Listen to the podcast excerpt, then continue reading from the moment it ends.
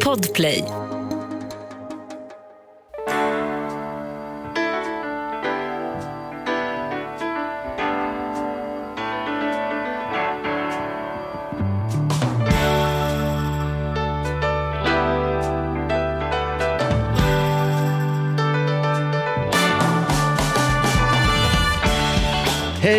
Välkomna till Ekonomi på riktigt med Charlie och Mattias. fan vad kul att du kunde komma idag. Ja, visst var det. Det är väl roligt ändå. Ja, men det tycker jag också. Ja. Mm, och detsamma får jag säga. Ja, men, och det är som en återföljande tång här, men är det på väg ut igen nu håret?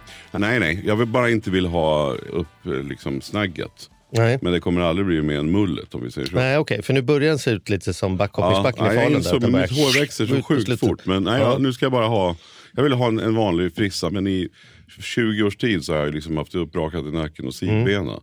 Och det, det känner jag. Så här, man Mm. Du är färdig med det? Ja, eller i alla fall för en stund. Ja, ja, Och jag ser som jag har så mycket hår. Det är inte alla män i min ålder som har så här mycket hår. nej. Jag har obegränsat med hår. Year of plenty. Ja. Ja, hörru du, hur, hur är läget då? Om vi Ja, bortser men- från håret. Ja, men det är jättebra. Jag har precis varit i London Ja, eh, en vecka och eh, haft det toppen. ja. Och sen är det så skönt nu för att, för att min, eh, min fru och jag har lite, vi har lite olika sätt att se på resande. För att hon har alltid Mm. när vi är ute och reser så vill hon gå till sevärdheter. Och sevärdheter är bland det värsta jag vet. Alltså jag klarar inte av tanken på att vara på en sevärdhet. Men varför är de inte värda att se då? Det ligger väl i ordets natur att man står där och det här var värt. Ja, nej, för att det- dels har man ju sett dem överallt. Och vill man se en sevärdhet ordentligt då kan man ju sätta på YouTube eller någonting. Tower Bridge liksom, du, är- det är Ja, det, du kan ju få all info om Tower Ja. Bridge. Och sen Ja. slipper du köa och titta på det. Du slipper massa folk. Och du slipper också betala pengar för att se gå upp i något torn som, som det är precis meningslöst. Och så, har jag- det har jag alltid tyckt. Men varje gång när vi har åkt någonstans tillsammans då har kanske barnen varit med. Och då har det varit viktigt för Malin att man ska, ha, man ska Mm. titta på sevärdheter. Men nu har vi var vi i London, vi var där utan barn och vi var där, nu är de så stora. Men då hade vi en deal att det blir inga sevärdheter. Det- Du hade satt ner foten låter det som. Ja, jag hade det satt ner inga foten. sevärdheter. Ja, jag sätter jag ner foten. Jag Nej, var jag ju under det. en lydig Ja, man, en ja. lycklig man. Så, Ja, jag så vet. att det är Ja. Mm. liksom, men, men vi var helt överens innan att det blir inga sevärdheter. Och så vart det. Så blev det. Du Förutom såg att inget vi, sevärt överhuvudtaget. Nej, och det är ju fantastiskt vad man kan få mys och gå runt och du bara flanera in. Men vi råkade faktiskt, vi hängde i Notting Hill-delen av London. Och då råkade vi, givetvis, jag tror Malin hade planerat det, då råkade vi gå förbi den här blå dörren såklart. Ja. Och då, då fick vi stanna till, men det var inga där förutom vi. Det var något par till som stod och tog. Mm. Så det är inte som att du så här panik när det kommer upp fram en sevärd. Nej, nej, nej, för fan. nej, men bara inte Akropolis, vänd dig om, vänd dig om, vänd dig Ja, om. men jag var i Prag också för bara några veckor sedan Ja, det innan du det. ja. Och då var det ju, då ska jag säga, vi ska gå till Karlsbron, vi Mm. ska se den astronomiska uret. Ju mer s- känd sevärdhet, desto jävligare blir det. För det blir mer folk, kostar mer pengar. Men, men då måste jag fråga, finns det inget ställe du har åkt till i världen där du ändå känt så här, här vill jag. Alltså du vet, kan man ta sig till Kairo och sen bara så här, skit i pyramiderna. Alltså så här, fin- finns ja, det det första inget... hade jag aldrig åkt till Nej, Kairo. jag vet, inte jag heller. Men, men liksom New York, alltså, jag vet inte, men finns det något där du här, fan det här är lite stort ändå? Ja, men jag har ju varit, ja, men i New York till exempel, då, då har vi, jag har ju varit där med Malin och då har jag ju råkat ut för de där grejerna. För att åka, Jo men det sånt där du har propsat på, fast jag vill åka nej, upp Det finns i... ingen i sevärdhet jag har Nej. missar. Nej. Eller som jag skulle ha tyckt Ingenstans att, oj, i världen Ingenstans tänker i så här världen. att Det finns det- ingenting. För det har jag sett på, jag, jag tycker ju om Taj Mahal, jag tycker Ja. om kinesiska muren, men det ser jag ju på ser jag ju på en bra dokumentär där någon sån här Mattias Klum har fotat. Det Liksom. låter som min morfar när man skulle ta en fika. Nej, kaffe har vi hemma. Det behöver Nej, men, men, men då får man ju se allt. Men alltså nu på tal om resa Ja, här nu, vi ja, måste släppa in våra ja, gäster. det ska vi göra. Mm. Nu får du nog tjatat om, det, om detta. Alltså hej och alltså Kristina är tillbaka. Ja. Det är fantastiskt. Och sen har vi Günther. Kristina Salberg och Günther Mårder. En varm applåd.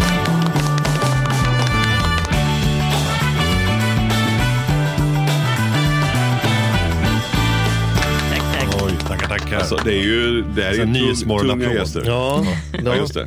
Vi kan lägga på efteråt kanske. Nej, men jag, vet du vad? Det har jag faktiskt sagt till redigeringen att det kanske är dags att, att feta upp gjort det våran några applåd. Men sen har vi inte gjort det i alla fall. Den är Men jag fortfarande tror vi lite gjorde det ynklig. när, initialt när Petter, vår Aha. fina producent, jag tror han, han tyckte om att greja lite. Sen Mm. hade vi också, poddade vi med någon sån här Kommer du ihåg att det fanns en apparat där du tyckte det var så kul, det fanns ljudeffekter. Man kan Du trycka låter bli att trycka på.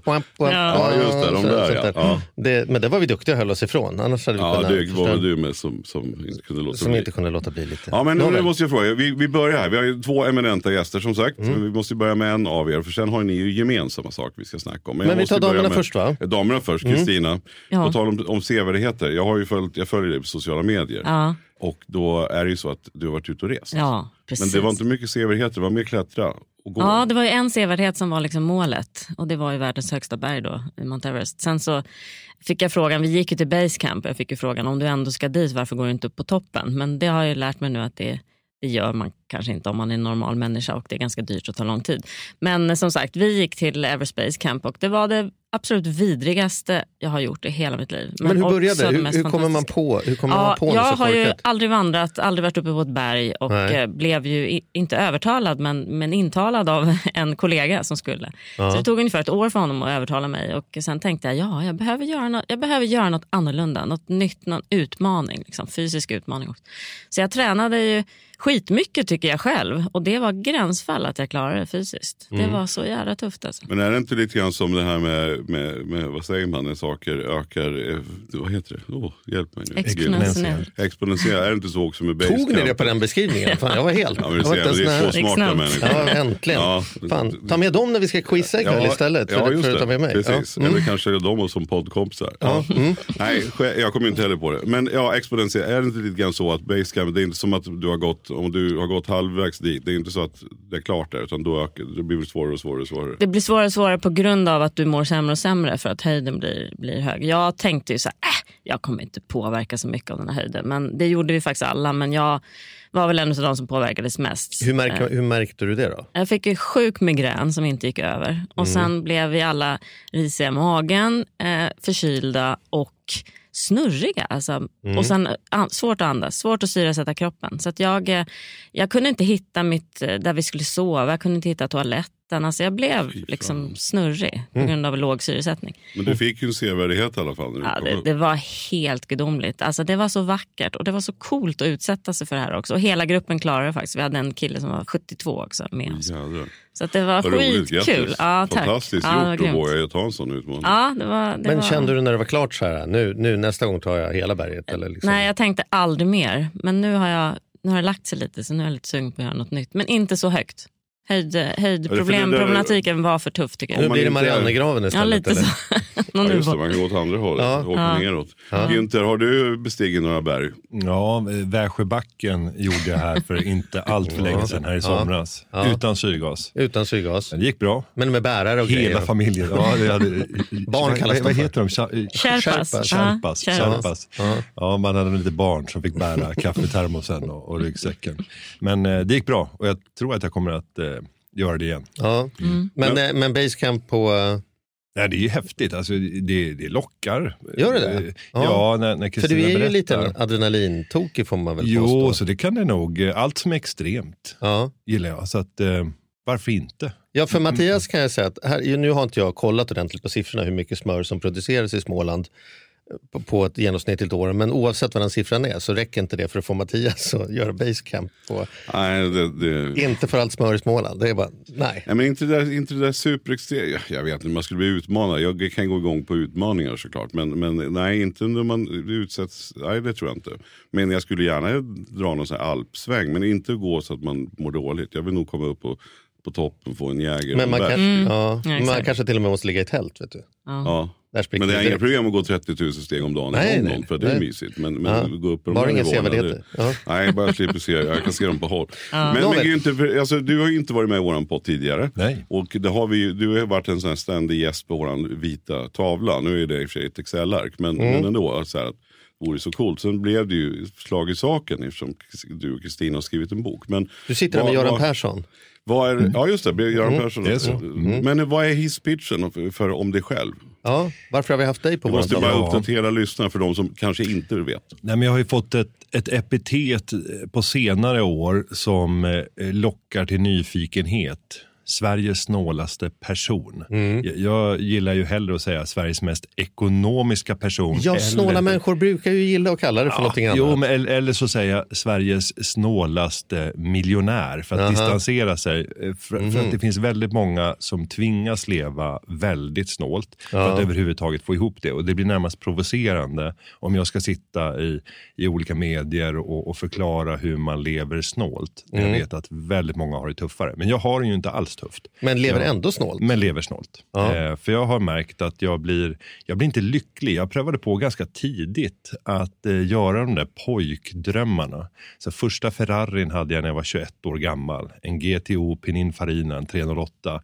Alltså magiskt. Men då började jag inse också vad händer i kroppen och vad händer i hjärnan vid den där typen av extremkonsumtion som närmar sig den ultimata drömmen. Mm. Och det är att vi bara förflyttar den. Vi förflyttar den högre och högre upp. Och det där är ju en, en viktig drivkraft. Det är det som har fört världen framåt, att vi aldrig blir nöjda. För om vi blev nöjda, då skulle vi till slut bara luta oss tillbaka och säga, nej men det är bra som det är. Mm. Och så slutar vi börja fundera över hur man kan lösa nästa problem och nästa och jobba hårdare. Och då skulle den ekonomiska utvecklingen, den materiella standarden i världen avta kraftigt. Men jag lärde mig ganska snabbt då att eh, det är också en stor frihet att bara ställa sig vid sidan av det här ekonomiska ekorrhjulet som bara snurrar och snurrar. Och sen så kunna bygga upp en frihetsbuffert som sen har gett mig friheter att göra val som de flesta aldrig kommer att kunna ha möjligheten att välja. Och allting har sin grund i mitt sparsamma leverne. Men känner du någonsin att det är svårt att... Det var en jävla bra hisspitch. Det varit Ja, svårt att säga emot. Ja, jag, jag vet. Det var därför jag bara lät Jag bara sitter så här lät den ligga. Han ska, han ska få, jag ska, jag ska inte låta jag komma undan så, så lätt. Men, men, nej, men alltså, jag tänker till exempel för mig är det så här, när jag flyger så flyger jag de billiga biljetterna. Jag tar inte bolag som jag tycker har oetiska regler. Du men flyger alltså? Men jag flyger, det gör jag absolut. Jag är i Spanien en hel del bland annat, där, där jag bor när jag inte bor här och sådana saker. Och jag cyklar är skitlångt, så jag, jag flyger absolut. Poängen är bara att jag har inte gått över till de här finare biljetterna. Eh, Därför att jag tänker så här, om jag väl börjar flyga business class eller liksom vad det kan vara för uppgraderingar där, då kommer jag att lida desto mer nästa gång. Så att jag, liksom, jag, jag vågar inte gå dit förrän jag är garanterad att jag aldrig mer kommer behöva flytta bak i flygplanet. Mm. Är du med på vad jag menar? Och, Och så tänker jag, hur är det om man har kört Ferrari och sen är man så här, fan vad Dacia ändå känns billigt. Alltså finns det ingen så här, om man har blivit champagnesamlare och går tillbaka till Californian White, har du ingen sån här, får du inte kisa någonstans liksom? Jo, men det är så med alla vanor som vi bryter och, och vanor som tillför adrenalin eller olika typer av tillfredsställelse och som vi bryter kommer omedelbart att ge en känsla av förlust och att vi saknar någonting och att vårt liv har blivit sämre.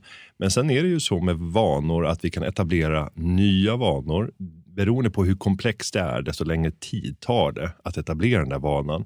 Men när jag tittar på forskning så säger det mesta att under 100 dagar så kan du nästan skapa vilken ny typ av vana som helst. Vissa vanor kan du skapa på bara några dagar. Och jag har ett bra exempel från, från en annan värld och det är ju träning. Och nu pratar vi så här 30 000 steg i London. Jag vägde 112 kilo för fyra år sedan. Och så bestämde jag mig, så här, 112, det vill man inte se på vågen. Det är någon typ av alarmsignal i, i det där. Mhm. Eh, och så bestämde jag mig för att ja, men nu ska jag fokusera på att göra allt som går för att minska i vikt och jag ska aldrig bli svettig. Det är grundkravet. Och då är promenader det enda som återstår i princip. Om man inte ska lägga sig på operationsbritsen, men det kostar ju pengar. Mm. Så då gick jag ungefär 20 000 steg per dag och ersatte måltider med soppor och tappade 30 kilo på Mm. 14 månader. Mm. Och, och jag förändrade ju hela mitt liv. Jag tog, jag tog bort den där goda ölen som jag vanligtvis alltid vill ha. Jag tog bort den goda maten, den goda snacksen och ersatte det. Och det tog, det tog kanske en eller två veckor för mig att etablera den nya vanan. Men sen någon dag när jag slarvade så mådde jag dåligt över att jag inte hade gjort det som var min nya vana. Så jag hade etablerat ett nytt beteende. Och så är det inom allt här i livet. Vi kan förändra alla våra beteenden och förflytta våra referensramar och bli tillfredsställda för mindre. Och det bästa sättet att bli lycklig här på jorden det är att ständigt ha låga förväntningar. Mm.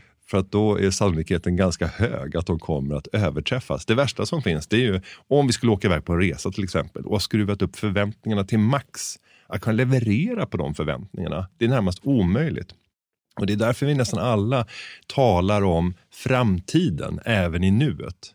Och Det där finns det också rätt mycket forskning kopplat till. Men när vi sitter med vårt, eh, om vi tar då grabbgäng, om vi nu pratar, eh, grabbarna har kommit iväg på första resan på två år och åkt ner till Spanien och sitter nu och, och äter tapas och dricker en, en god rioja. Vad är det första vi säger? Jo, men då börjar vi landa i, det här borde vi göra oftare. Alltså varför gör vi inte det här oftare? Nästa år, nästa år, då ska vi. Men här och nu då? Njut av det här. Men vi befinner oss hela tiden i framtiden Mm. och, och fokusera på det som komma skall. Nästa version, nästa gång. Eh, och det där kan man lära sig att tygla genom att träna upp nya typer av vanor. Så att jag har ju vanor som de flesta andra skulle tycka är erbarmliga.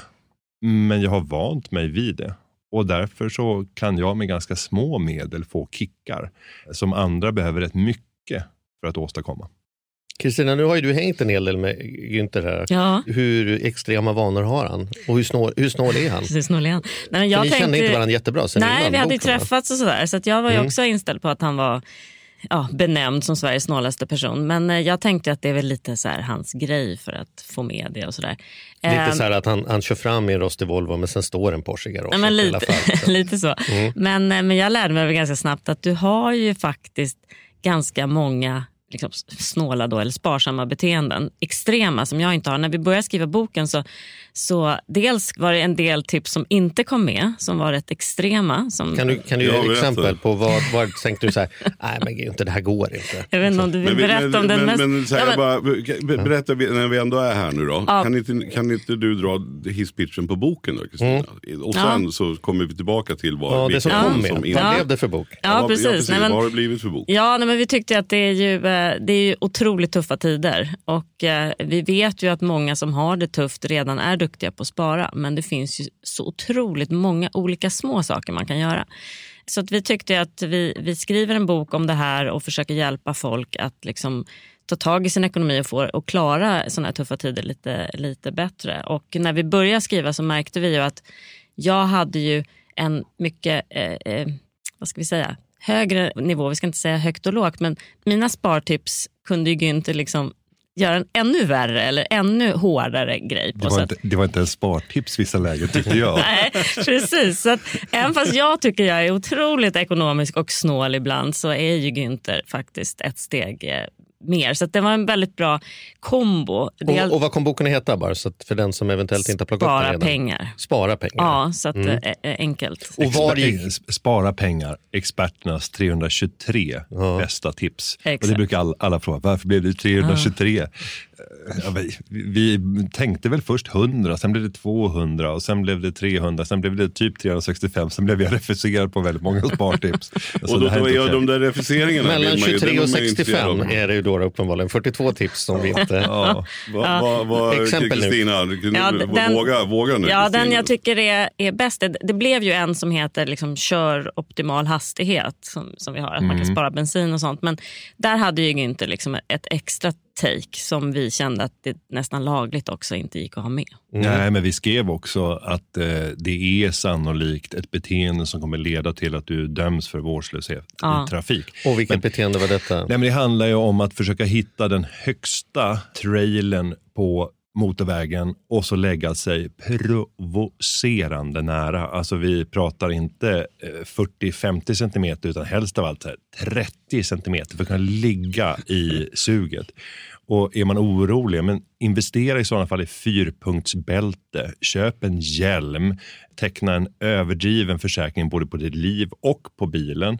Men du kommer kunna sänka bränsleförbrukningen mer än 50 procent genom att bara ligga i luftsuget bakom en stor Men, men, lastbil. men det där har du säkert räknat på, men du måste ju åka bra många milen då innan fyrpunktsbältena och eh, de här grejerna. Ja, men det där kan man köpa begagnat på skrot också. Mm. Du vet, Ah, det, någon gammal folkracebil. Ja, ja, Det finns ju ingenting som man känner sig så trygg med som att ligga 30 cm bakom en långtradare med begagnade bälten som man har köpt på en skrot. Och Nej, men jag "Fan, ligger gärna gumman, bakom Nu långtradare sparar vi på, fyra spänn här. på småvägar när jag åker till Ja. landet när det är mycket vilt. Då brukar jag Ja, ja. faktiskt Mm, lägga är mig nära. Men det är Ja, ju mer för att smäller det så slipper jag. Nej, jag ligger jättegärna Ja. bakom långtradare av den anledningen att, att det är precis, de, Men- men- de plöjer ju iväg. Ja. Men det är bra. Till. Vad, har vi Mer något mer? Det här är ju roligt att höra.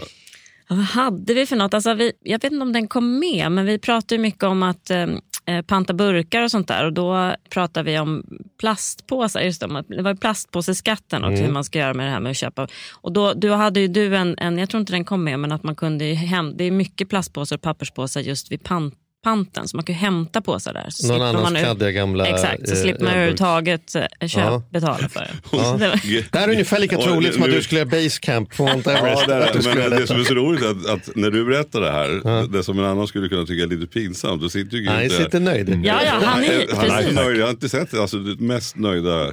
Ja. Ja. Ja, man har knäckt koden. Ja. Men hur det är egentligen då? Vi, eftersom, som vi sa, fördomen skulle ju vara att du, du gör så här men sen står Porschen i garaget. Jag, jag känner igen mig så mycket som du ändå berättade. För jag tycker också att jag har gjort en resa med till exempel boende. Vi, jag bodde i en stor villa i Nyköping och sen bestämde jag för att flytta till Stockholm för typ 7-8 år sedan. Och då var jag så här naivt löjlig och bara så här, ah, men jag, måste, jag kan inte ha trångt runt mig. Var vi då vi köpte en, en stor vind, jättelyxig. Men där kände jag ju mig så här, jag, jag, det blev inte roligare, det blev inte bättre. Precis som du sa kanske med Ferrari, det här var en annan grej. Men då downsizade vi ner rejält till en eh, ganska liten trea. Och jädrar vad jag trivs där. Alltså, Det känns så otroligt mycket skönare. Särskilt om man är på landet och vet att man sitter och betalar en massa pengar för en, för en stor lägenhet som man ändå inte är i. Och jag kan känna igen mig i, fler grejer, absolut. Sådär. Men jag, jag kan ändå känna att vissa lyxgrejer är jag så jävla nöjd över ändå. Det, Charlie och jag till exempel, när vi, näst, nio av tio gånger vi umgås, då går vi ut och käkar riktigt gott och köper riktigt dyrt vin. Men det gör vi inte så ofta i och för sig, för då, då skulle det inte hålla. Men har du några sådana, ja men vad fan, alltså det här att unna sig. För no, man Eller har du bara- en pet med att gå ut om man bara tänker på att ligga vin? 30 centimeter i en långtradare hela tiden, då blir ju inte det heller. Nej, och sen, Man måste hitta den här balansen liksom. Och det, och det blir lite orättvist, för det blir mycket lättare för mig eftersom jag har haft ett arbete och jag har en rad uppdrag som ger mig massa fördelar i form av fina middagar och inramningar och resor tillsammans med styrelser. Så att jag får rätt mycket av det i väl relation till arbetet. också? Jo, men sen, sen gör jag väldigt mycket tillsammans med min respektive. Så när vi åker iväg på resor så gör jag det gärna tillsammans, även när det är yrkesmässiga resor. Och så tar jag kostnaden för henne. Sen är hon intresserad av mitt liv och få vara en del av det. Så att hon var med på en stor radioterapi, alltså för strålning, mässa i i San Diego här i, eh, i höstas.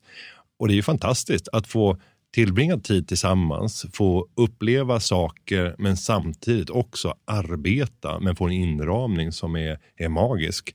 Jag älskar ju det. Hon gör inte det riktigt lika Nej, men mycket för som det jag. kan ju vara att hon säger så här, Günther, jag måste få lite sol på mig, låt oss åka på en härlig semester.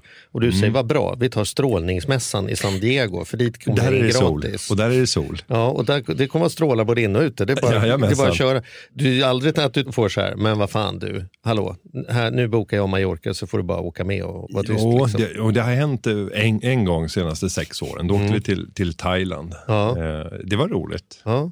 Men det var, det var väldigt eh, ovanligt. Då åkte vi tillsammans med eh, min bästa vän och, och det paret.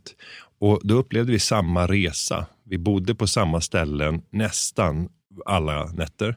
Men jag hade ju ett helt annat ekonomiskt beteende och jag tror att jag kom ifrån den resan till en fjärdedel av kostnaden Mm. mot vad han betalade. Mm. Och, och det gjorde ju mig väldigt glad och stolt. Men då står jag i hotellreceptionen varje morgon för att förhandla, kommer vi få stanna ytterligare en natt? Och sen så gäller det att prata med chefen och det funkade alla nätter utom två. Då fick vi flytta ut, men då hade jag redan ett andra alternativ. I det här fallet så var det en billig bungalow med typ någon frigolitsäng och sen var det en, en trebent hund utanför som skällde hela natten. Jag tror aldrig jag fått så mycket utskällning när man går från en hideaway villa, femstjärnigt vid havet, inhägnat med egen pool. Men, men varför jag ska fatta, förhandlar du för du, du hade inte bokat mer än en Nej, det blir billigare om man tar sista minuten. eh, Ja. Har de de har en- en över. Ja, och har, har de ett ledigt, ett ledigt rum, eller i det här fallet då en, en ledig villa, och då, du vet ju vad det kostar att få någon att flytta ut, att göra en fullständig städning. Och när det är femstjärnigt, då ska det ju vara med upplagda rosmönster och skriva hälsningar med namn på sängen. Det gör man ju inte när man väl har flyttat in. Så det är förenat med väldigt höga kostnader. Men, men njuter du när du går in i hotellrummet att det är de här små, små duttarna och fixarna och sådär? ja, för att Alltså- jag inte har alltså- betalat eh, ett pris som ja, motsvarar Du det, njuter för jag att får. du inte har betalat för det, vad det skulle ha kostat. Ja, att, att, Men du tänker inte att det finns en risk att din fru kommer hem sönderstressad av att hon inte vet var hon ska sova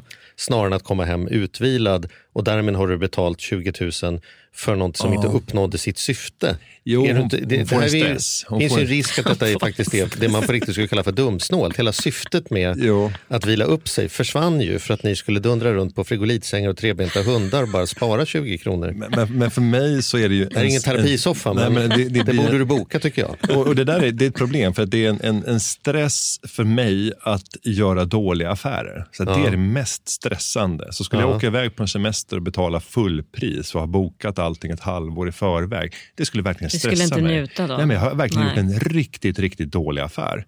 Och Då skulle jag gå runt och våndas. Det är samma sak om jag går ut och äter en middag. Och, och Det har hänt vid, vid något eller några tillfällen att vi har gått ut och jag ska betala privat. Jag bjuder min respektive. Och Förväntningarna är så högt uppskruvade. Om jag ska betala 2500 för en avsmakningsmeny på det fina stället och så vin ovanpå det.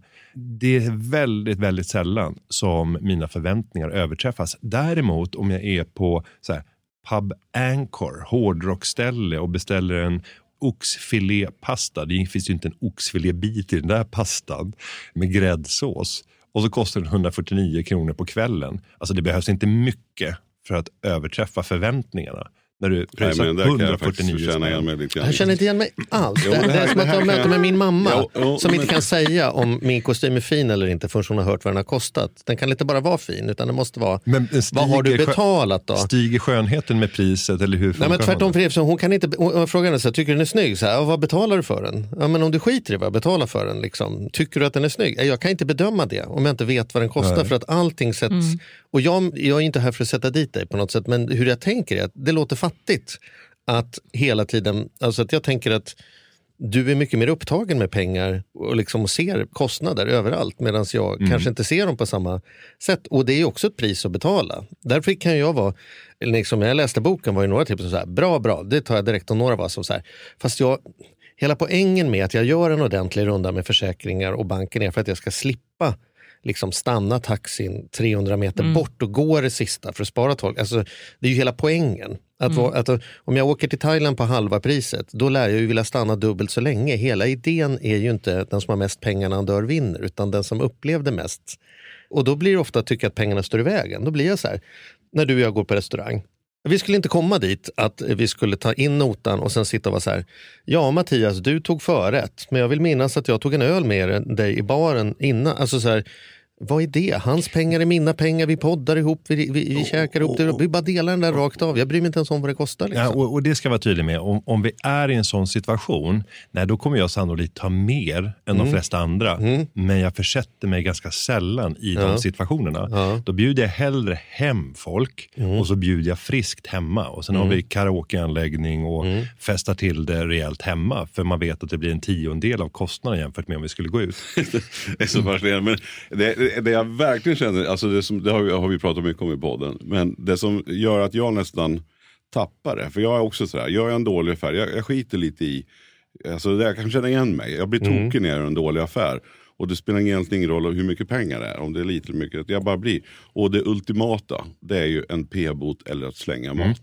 Mm. De två grejerna, då är jag benägen att gå ut i skogen med en, med en avsågad Ja, då är hela dagen förstörd. Ja, alltså Så går jag, blir helt, jag blir tjurfärdig om jag får en bebot eller mat som har gått ut. Och just det här, jag dricker mjölk som är några, alltså flera dagar gammal, det gör mig ingenting. Men just kött till exempel, om det har blivit så. Eller min dotter När den börjar krypa över tallriken så här, då är Nej, men min tveksamt. dotter är väldigt mycket, eh, eftersom vi är så mycket på landet och dottern Mm. bor fortfarande hemma så hon är ofta där. Och det, det har ju blivit, jag kan ju bli vansinnig alltså, när hon har köpt saker och så får, måste man slänga det för att det, det är helt enkelt för dåligt. Man riskerar att bli sjuk om man äter. Så på den nivån är jag med. Men, men, ändå, jag måste, jag måste bara ändå fråga, vad är din lilla Porsche då? För någonstans så, så du njuter ju, du har ju uppenbarligen gott ställt och är miljonär.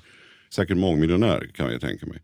Han nickar här bara. så Vad ska, de, vad ska de till? Va, va, nej men, Mm, nej, har till? du ingen sån här liten som du ändå så här njuter av att du, förutom att bara tänka på att göra bra affärer. Jo, och, Om du ska synda lite här i kyrkan. Nej, va- men det, det viktiga, för det har vi inte varit inne på, det är ju frågan varför? Mm. Varför gör det där? Och för mig så handlar det om att försöka lägga alla pengar på det som skapar störst tillfredsställelse och lycka i mitt liv. Och ovanpå det så kommer en stolthetsdimension. Jag vill kunna se mina barn och förhoppningsvis även barnbarn i framtiden i ögonen och så känna så här, jag är stolt över det jag lyckades åstadkomma under den perioden som jag fick knalla runt här i ett par skor på jorden. Och Då har jag upptäckt att det som ger mig den högsta tillfredsställelsen det är att få engagera mig i projekt som har en kapacitet att förändra vår framtid. Och att göra det tillsammans med människor som har kunskaper och en drivkraft och tid och engagemang att lägga på att lösa den uppgiften. Men där jag har en pusselbit som gör att du plötsligt som entreprenör får helt andra möjligheter för att jag har ett kontaktnät som nästan ingen annan entreprenör har.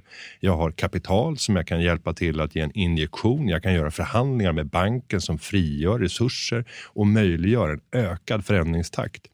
Så jag är engagerad rätt djupt i fem stycken företag som jag annars inte hade kunnat vara engagerad i. Och att jag är på en strålterapikonferens i San Diego det hänger samman med en ganska stark personlig drivkraft. Jag förlorade min bror i cancer. Nu har jag valt att investera ungefär en tredjedel av hela min privata ekonomi i mjukvara som har kapaciteten att helt förändra hur vi strålbehandlar. Och nu vidgar vi scopet till att innefatta fler behandlingsformer. Men att effektivisera och öka träffsäkerheten i strålningen så att vi kan få fler människor som överlever denna vidriga sjukdom. Och Det där hade aldrig varit möjligt om ju inte jag hade gjort de där uppoffringarna innan. Så hade jag aldrig kunnat ta den här positionen så att jag blir relevant för entreprenören som driver bolaget. Så att jag väljs in i styrelsen och nu är en del i den gruppen som ska lösa den här uppgiften i världen. Och, och det där tycker jag är fantastiskt att höra. Och det, men risken kan jag tycka är med de som, nu ska jag säga är som du, och då skulle det vara en fördom att, att, att du bara skulle vara snål eller sparsam. Men många som är väldigt sparsamma törs ju aldrig heller i, våga investera i saker. Min pappa till exempel, som nu inte är med oss längre, men han mot slutet, ju äldre han blev, desto mer kände han ju. Tänk om jag hade ändå skulle ha köpt den där gården. De var ju superduktiga med ekonomi, och, och, alltså både mamma och pappa. Och jag har ju verkligen lärt mig det här med att spara och jag tror det här med maten och allt sånt där sitter jättedjupt rotat. Men det han då inte vågade, han ångrade ju sen att han inte köpte just den där investeringarna därför att han var så sparsam. Men där tycks ju du ha liksom du vågar fortfarande, du, du lägger pengar men du, så länge du gör en bra affär. Liksom. Ja, det- Eller för en bra sak. Och det är ofta riskfyllda projekt som jag investerar i. Men jag gör det bara med människor som jag gillar att leva mitt liv tillsammans med. Och helst av allt så ska det vara personer som, även när vi har stängt styrelsemötet eller inte pratar business, så ska vi vilja hänga tillsammans. Och därför så är det en ökad sannolikhet att jag kommer investera om det är så att du råkar också ha barn som är liknande ålder för att öka sannolikheten att mina barn kommer tycka att det är roligt att åka till er och under sommarsemestern kunna spendera ett antal dagar tillsammans. Så att för mig så är det en helhet i hela livet. Att kunna få engagera sig med människor som jag gillar att leka det här spelet som jag kallar livet. För det är som en lek. Vi går alla runt och leker och då vill man leka med dem som man har roligast med. Och sen så är vi ju alla lite tävlingsmänniskor och att då kunna se det i form av ett företag presterar vi bättre, leker vi bättre än de andra som leker den här leken? Och sen försöka optimera och, och ha roligt tillsammans längs vägen. Så det är min stora behållning och när vi gör ett stort genombrott i något av företagen som jag är engagerad i så känner jag en större tillfredsställelse än när jag korkar upp någon jättefin flaska vin på ett eh, styrelsemöte där bolaget betalar till och med. Jag känner inte den tillfredsställelsen utan det är i de här genombrotten Mm. när vi ser att nu har vi kapacitet att förändra.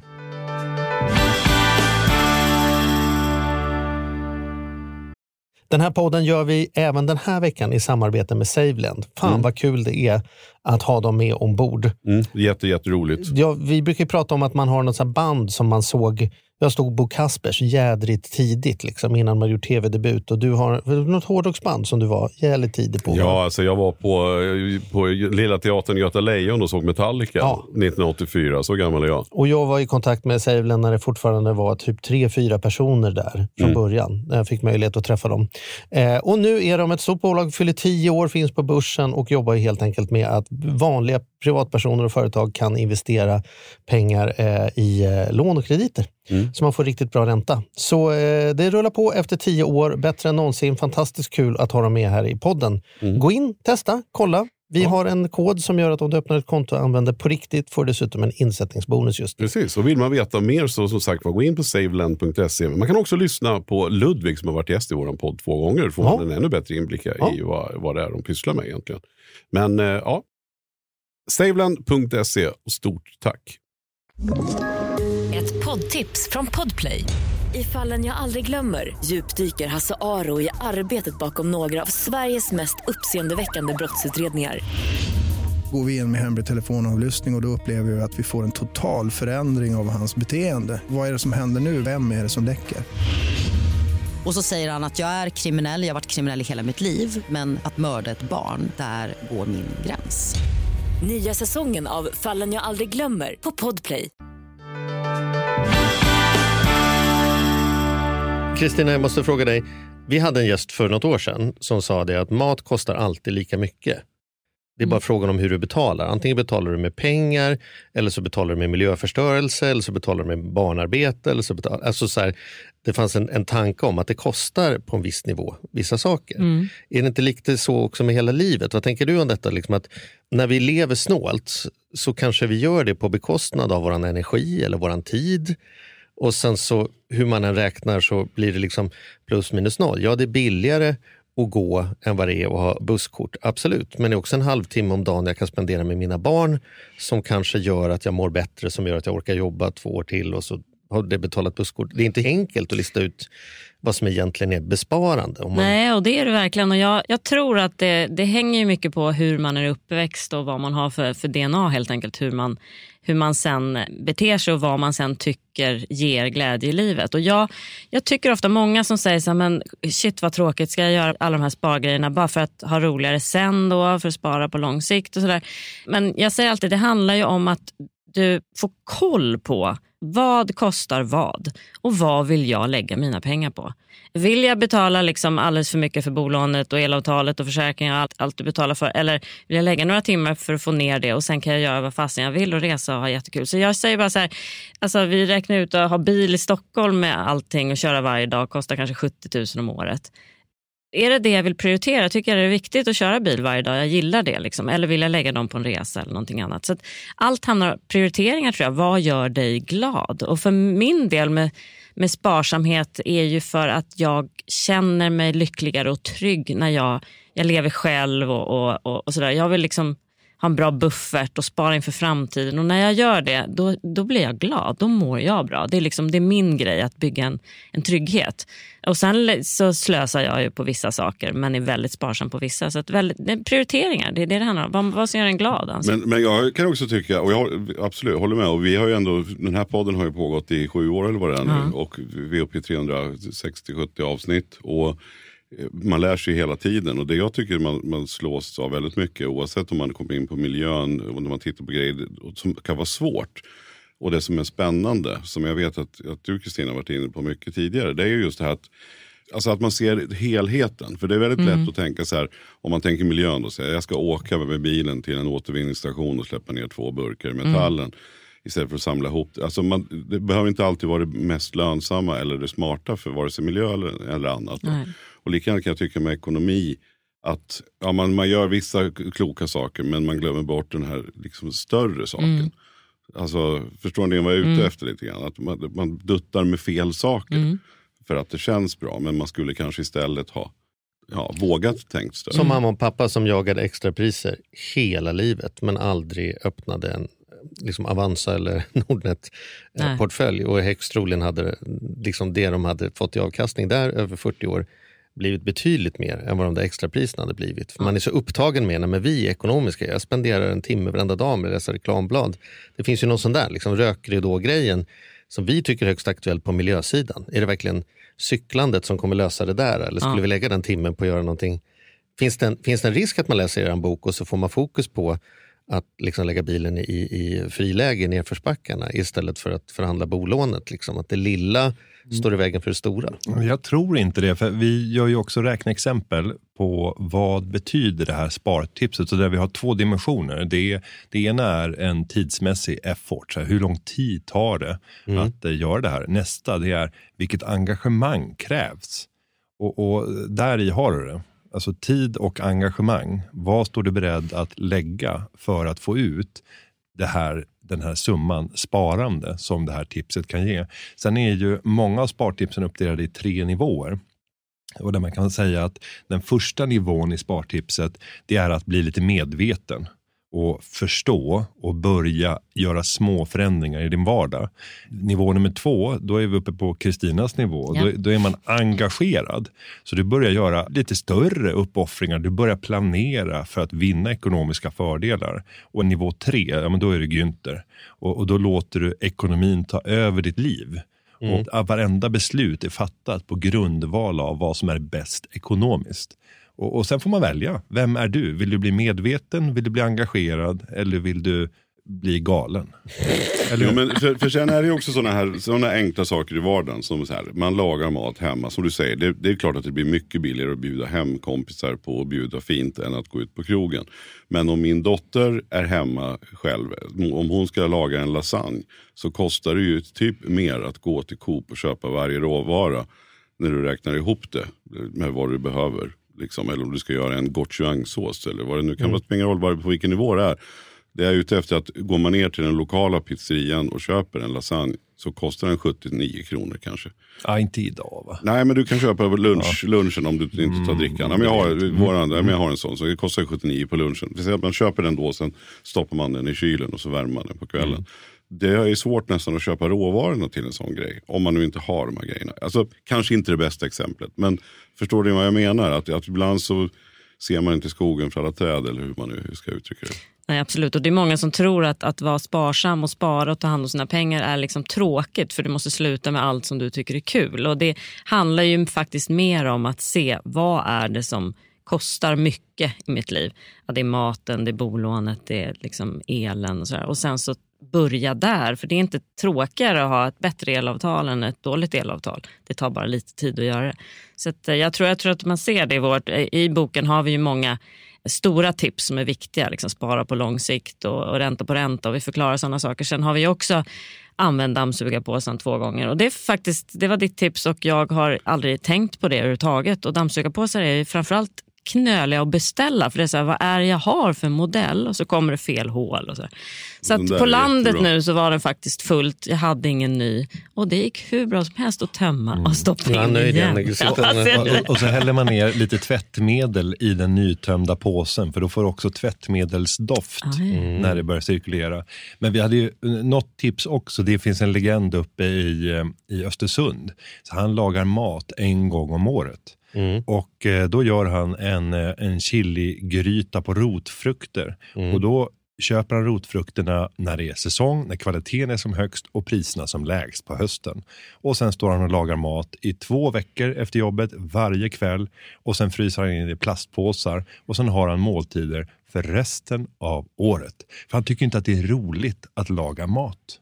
Inte Det att äta som min heller. student, det låter som min studenttid. Ja, det blir liksom fruktansvärt billigt och han spar jättemycket tid. Och sen, Men känner du så här att han är en hjälte i din bok eller känner du så här, men det där, nu har det gått över Jo, till men något han har ju annat? knäckt sin kod. Ja. Och, och det är viktigt att förstå att alla har olika referensramar. Han tycker inte att det är roligt att, att laga mat och han har inga problem att äta samma mat varje dag. Och då är det suveränt sätt Mm. att hantera den situationen på. Så han har ju verkligen knäckt det. Det skulle inte Mm. passa för alla. Men för hans del så innebär det ju sannolikt, alltså vi pratar inte dagar, vi pratar veckor i besparing. Vad någon annan skulle säga, men det är det som är njutningen. Att stå där och tillsammans få laga Mm. Precis. Mm. maten. Ja, det kanske det är för vissa, för andra är det inte. Och sen så sparar han otroligt mycket pengar som man kan göra någonting annat för. Men nu vill jag ha lite tips ifrån boken. Som det låter som att vi håller på och ifrågasätter hela tiden. Men jag har ett ifrågasättande kvar. Har du fått någon pushback? Du som har spenderat mycket tid med företagarna. Och liksom delvis en del av de här tipsen handlar ju om att inte gynna det, det lokala företaget utan göra det själv istället. Och då skulle man kunna säga att spenderar man 79 spänn på, på en lasagne som någon har stått och lagat nere på hörnet, det är ju inte pengar som försvinner. Det räcker ju till, till att jordbrukare kan, kan eh, odla grönsaker, det räcker till att unga människor kan få arbeta i restaurangbranschen och det snurrar ju runt någonstans. Om alla sitter på grejerna i madrassen, då, då får vi massa andra konstiga följder. Har du fått någon sån pushback att företagare säger, Mm. Ja, ska de faktiskt. sluta handla hos mig? Liksom? Jag Men- hjälper ju världen. Nej, och när jag var vd på Företagarna tidigare så var det några medlemmar som faktiskt var riktigt förbannade och tyckte att när man satt i Nyhetsmorgon och tipsar om att man ska dra ner på kostnader och minska konsumtionen, vad skulle hända i samhället? Men då är det viktigt att förklara att ingen krona försvinner. Så vi kan tidigarelägga konsumtion, det gör vi genom att låna pengar och vi kan senare lägga konsumtion, det gör vi genom att spara. Men ingenting kommer att försvinna. Och om vi ser till Sverige från... Men om du låser in pengarna i 30 år, då hade de kunnat snurra många varv. Nu sitter de ju stilla på ditt konto här. Ja, istället för att bli restauranger som blir jobb, som blir skolor, som blir mat, som blir restauranger, som blir Ja, jobb, men som sen, sen är vi väldigt noggranna med att säga att ha inte pengarna på bankkontot. Mm. Utan är det pengar du inte behöver, vilket det då sannolikt är, då ska du investera dem. Mm. Så det som händer om väldigt många gör det här, det är att finansieringskostnaderna i ekonomin kommer gå ner kopiöst. Så det kommer vara så sjukt billigt att starta företag, för det kostar ingenting med finansiering, för det finns så mycket riskvilligt kapital som ska investeras. Och det gör att det kommer kunna födas entreprenörer som med mycket lägre omsättning klarar att gå runt. Men varje krona kommer att konsumeras. Sen är frågan om det sker nu eller i framtiden. Och en viktig sak att ha med det är att i Sverige så är inte problemet att vi har sparat för mycket. Sverige som helhet, där har skulderna gått upp sex gånger från tidigt 2000 fram till idag. Så det reptricket, det upprepar vi inte en gång till. För gör vi det för de kommande 23 åren, då befinner vi oss i en riktigt risig situation. Och sen ska man för ärlighetens skull säga att svensk ekonomi har ju vuxit. Så justerar vi för tillväxten så är det tre gånger ökad skuld. Och det betyder att en genomsnittlig skuld idag, ja men det är ju egentligen tre gånger högre ränta än vad det var år 2000 för att mängden lån är mycket större. Mm. Så säger vi att vi har boräntor på 5% idag så ska det jämföras med 15% om det var på inledningen av 2000-talet.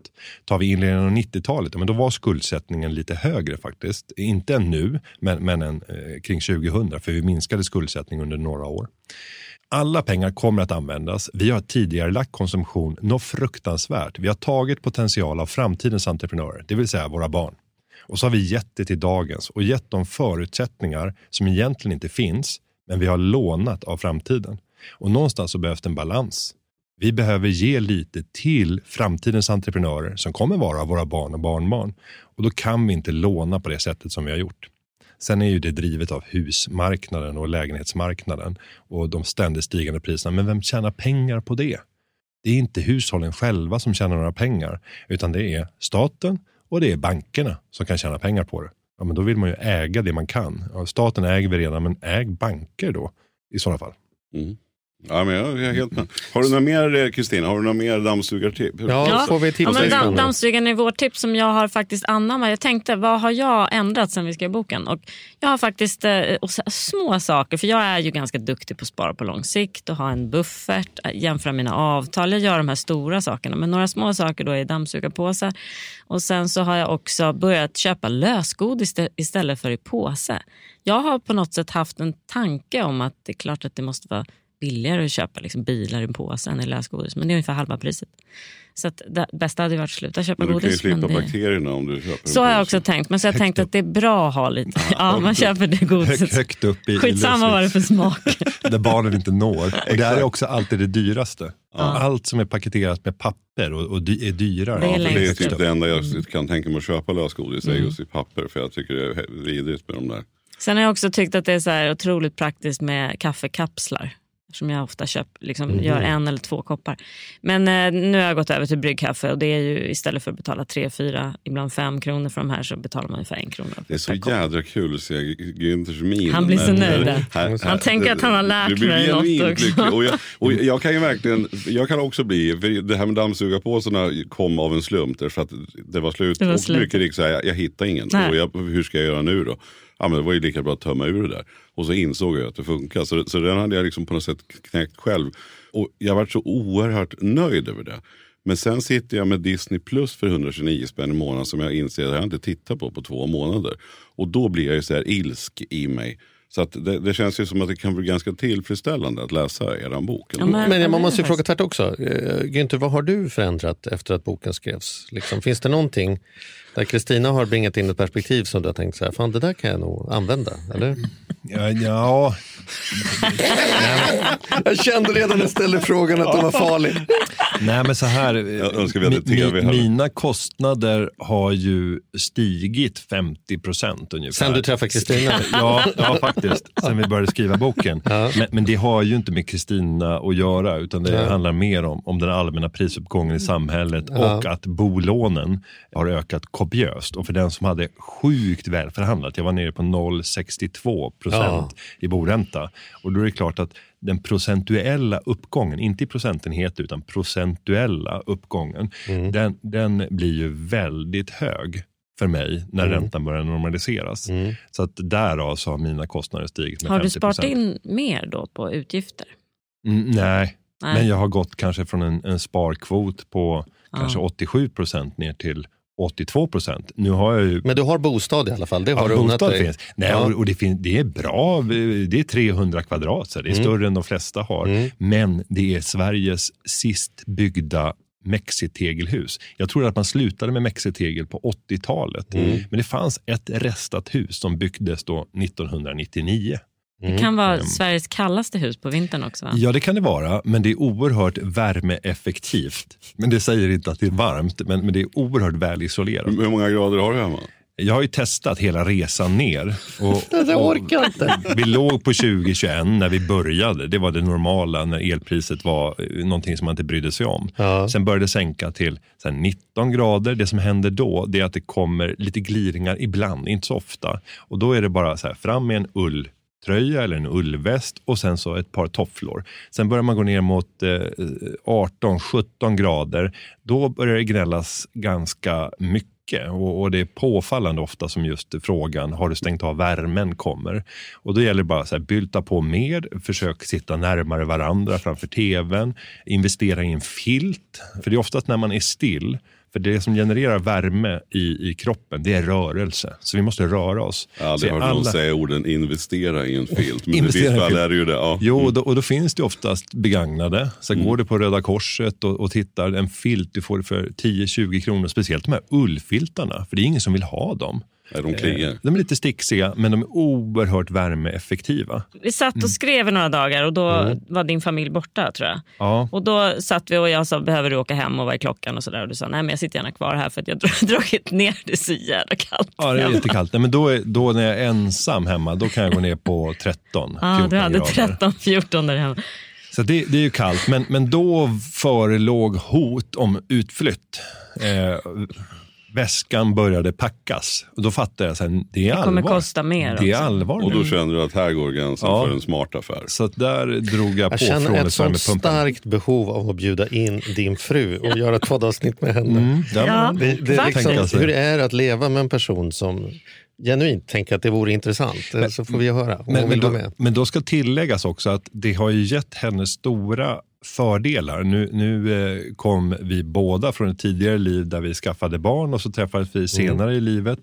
Och Det gör ju att vi har referensramar tillbaka kring så här, vilken ekonomisk rörlighet har vi haft. Och Hon har nog upplevt att hennes ekonomiska rörlighet har ökat kopiöst. Och Hon har ett sparande som hon aldrig hade kunnat våga drömma om och en kapacitet att plötsligt kunna förverkliga någon av sina största drömmar. Eh, Gud förbjude, så här, slukhålet häst. Jag blir förbannad, men jag är inte engagerad i det här projektet. Men hon har köpt en häst till sin dotter. Så här, Hur många föräldrar är det som så här, på marginalen bara så här, klarar att köpa en häst till sin dotter? Men vet du vad Günther, du Mm. har ett spartips till dig. Ta hem den hästen, för de värmer ju, alltså det kan du sänka Faktiskt, två det är grader. Mycket kött. Mycket det, kött. nej, men de, det är som ett element, vet du. Där kan du, då kan du sänka grundvärmen två grader till. Och den är- Hästen kommer värma upp det. Och den är på lösdrift såklart, för det är billigare. Ja, okej. ute. Och, och hästar mår bra av att röra på sig. Det är galet inspirerande att prata med er. Och du Kristina, du har ju också släppt böcker tidigare. Så man kan gå in och söka på Kristina Salberg så finns det böcker. Och er bok du då, Spara pengar finns ute. Sen har du Günther också en ny bok vet jag som eh, heter Så här blir du miljonär som företagare. Eh, Du får ju givetvis pitcha lite för den också då. Ja, men en snabb pitch där handlar om att eh, hur ska du få ut mer värden ur ditt bolag utan att behöva arbeta mer? Och hur ska du säkerställa att bolaget kan bli din framtida pension? Jättemånga småföretagare skrattar på frågan om eh, sin egen pension när den kommer på tal. Och så säger man bolaget är min pension. I själva verket så är det där bolaget inte säljbart om det inte vore för att du ska arbeta vidare. Och här ger vi tips på hur kan du tänka för att kunna skapa en möjlighet för en ny ägare att ta över. Och vad innebär det med olika typer av ägare i slutet av, av eh, karriären? Och förbereda Ge sig för ett tips, ett, ett sånt typiskt tips för boken då, som man kanske inte tänker på. Nej, men om vi tar att få ut mer av bolaget utan att behöva arbeta mer så kan det vara att nyttja ägarlån. Att plocka ut pengar genom lön eller via utdelning är väldigt dyrt. Det kostar eh, ofta mer än 50 procent för att få ut pengarna. Men om du istället lånar ut pengar till företaget så kan du ta en ränta som just nu är provocerande hög och det beror på vad du kommer att använda pengarna till. Men om jag tar ett exempel. Som företagare kan du gå till en bank och säga jag skulle vilja låna 3 miljoner kronor. Och Då kommer du få frågan, vad ska du använda pengarna till? Jag ska göra aktieinvesteringar i mitt företag. Det kan vara i onoterat, det kan vara i noterade bolag, men det kommer vara riskfyllda placeringar. Banken kommer inte vilja låna ut de här pengarna till dig, men du ber ändå om att få ett förslag och sen kan de få slänga in bivillkor som gör att den där krediten har massa villkor som gör att den blir, egentligen blir sämre. Sen tar du bort de villkoren och kopierar den räntan som banken erbjöd som kanske är då provocerande hög. Det kan vara 14-15 procent till och med. Men så länge du har två, tre underlag från olika banker som har gett dig en offert på precis det lånet som du som ägare ställer dig upp med till bolaget så har du tillräckligt med underlag för att Skatteverket ska kunna godkänna det. Och jag tar inte ansvar för det här, utan det är din uppgift att stämma av med Skatteverket och de kommer inte vilja ge förhandsbesked. Men just att ha underlag från banker som visar att du har varit ute på marknaden och sökt vad det här kostar. Fördelen med det här det är att räntekostnaden blir en kostnad i ditt bolag som sänker vinsten och gör att du inte behöver betala lika mycket i bolagsskatt. Dessutom får du ut den räntan som privatperson för det är du som har lånat ut pengarna. Och sen betalar du bara kapitalskatt på det och det är 30 procent. Så det är det billigaste sättet att få ut pengar ur ditt bolag. Men väldigt få småföretagare nyttjar den här möjligheten. En annan är direktpension, att göra avsättningar till sig själv och sin tjänstepension. Och direktpensionen har den fördelen att du kan återta redan inbetalda premier. Och Det kan vara intressant i lägen där det plötsligt uppstår ett affärstillfälle men du har inte pengar för att göra den här investeringen, köpa den här maskinen eller förvärva din konkurrent. Men så såg du att efter tio år hade du löneväxlat 150 000 per år, så en och en halv miljon plus avkastning, kanske två miljoner, finns avsatt i den här eh, direktpensionen. Då kan du, om du är ensam ägare i bolaget och överens med dig själv, återta inbetalda pensionsrätter och därmed kunna använda pengarna för att göra den här affären. Så att man kan både äta kakan och ha den kvar. Ja, du ser, den här boken är också värd att läsa för dig som är företagare. Ja, är- vi, vi, vi skulle kunna hålla på i två timmar till, men avslutningsvis så har jag en sista grej. Ja, shoot. Du, som du säger, Kristina har ju skrivit böcker tidigare. Din första bok du skrev hette Fixa din privatekonomi. Fixa din privatekonomi. Och det som var spännande i den boken är att längst bak så fanns det lite tips på poddar man kunde lyssna på, ekonomipoddar. Mm. Där var vi inte med. Va? Varför var inte vi med? Varför var inte vi med Kristina? För, i den, Fanns här, ni ens då? för i den här boken är vi med. Ja. Har vi blivit bättre eller har, glömde du bort den podden du själv var med och sponsrade?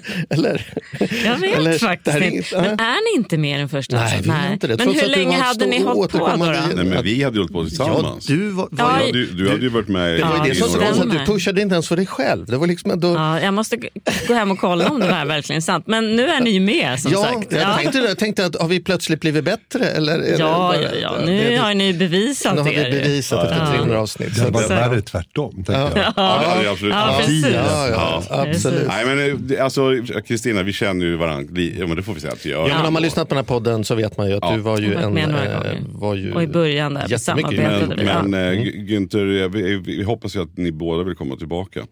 Och det får inte bli som man brukar säga så här när man, när man och spelar padel och säger fan vi skulle ta en lunch ihop. Så här. Och alla bara, fast man egentligen vet att Det blir inte av. det, det kommer inte bli av. Det är ingen som är ute gång. efter det. Mm. Nästa Nästa gång. gång.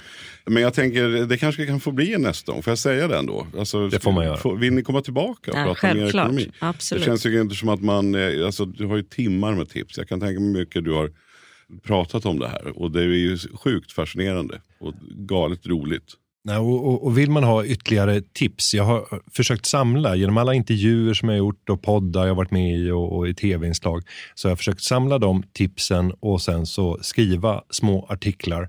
Så där finns det på sparadkrona.se. Så där publicerar jag med hjälp av några studenter som gör det här som ett studentprojekt. Vad roligt. De, Mängder de är billiga också att betala. Ja, till och med gratis i de flesta lägen. Så Of course. Det, det gillar jag. Sen så ger jag väldigt mycket av min tid och Ja, ja, ja, uppmärksamhet. Ja, ja, ja, det är Mm, ingen som självklart. betvivlar att du, att du är Men, rädd men, för men för- eh, för dig som lyssnar, om du inte redan har gjort det, bege dig ner till närmsta bibliotek för där kan du nämligen låna boken gratis. Precis, Och det är ett av boken, och boken heter? Spara pengar. Experternas 323 bästa tips. Ja, wow. Stort, Ja. stort, stort tack. Tack för att så ni- mycket. Tack, ni kom hit. jättekul. Tack.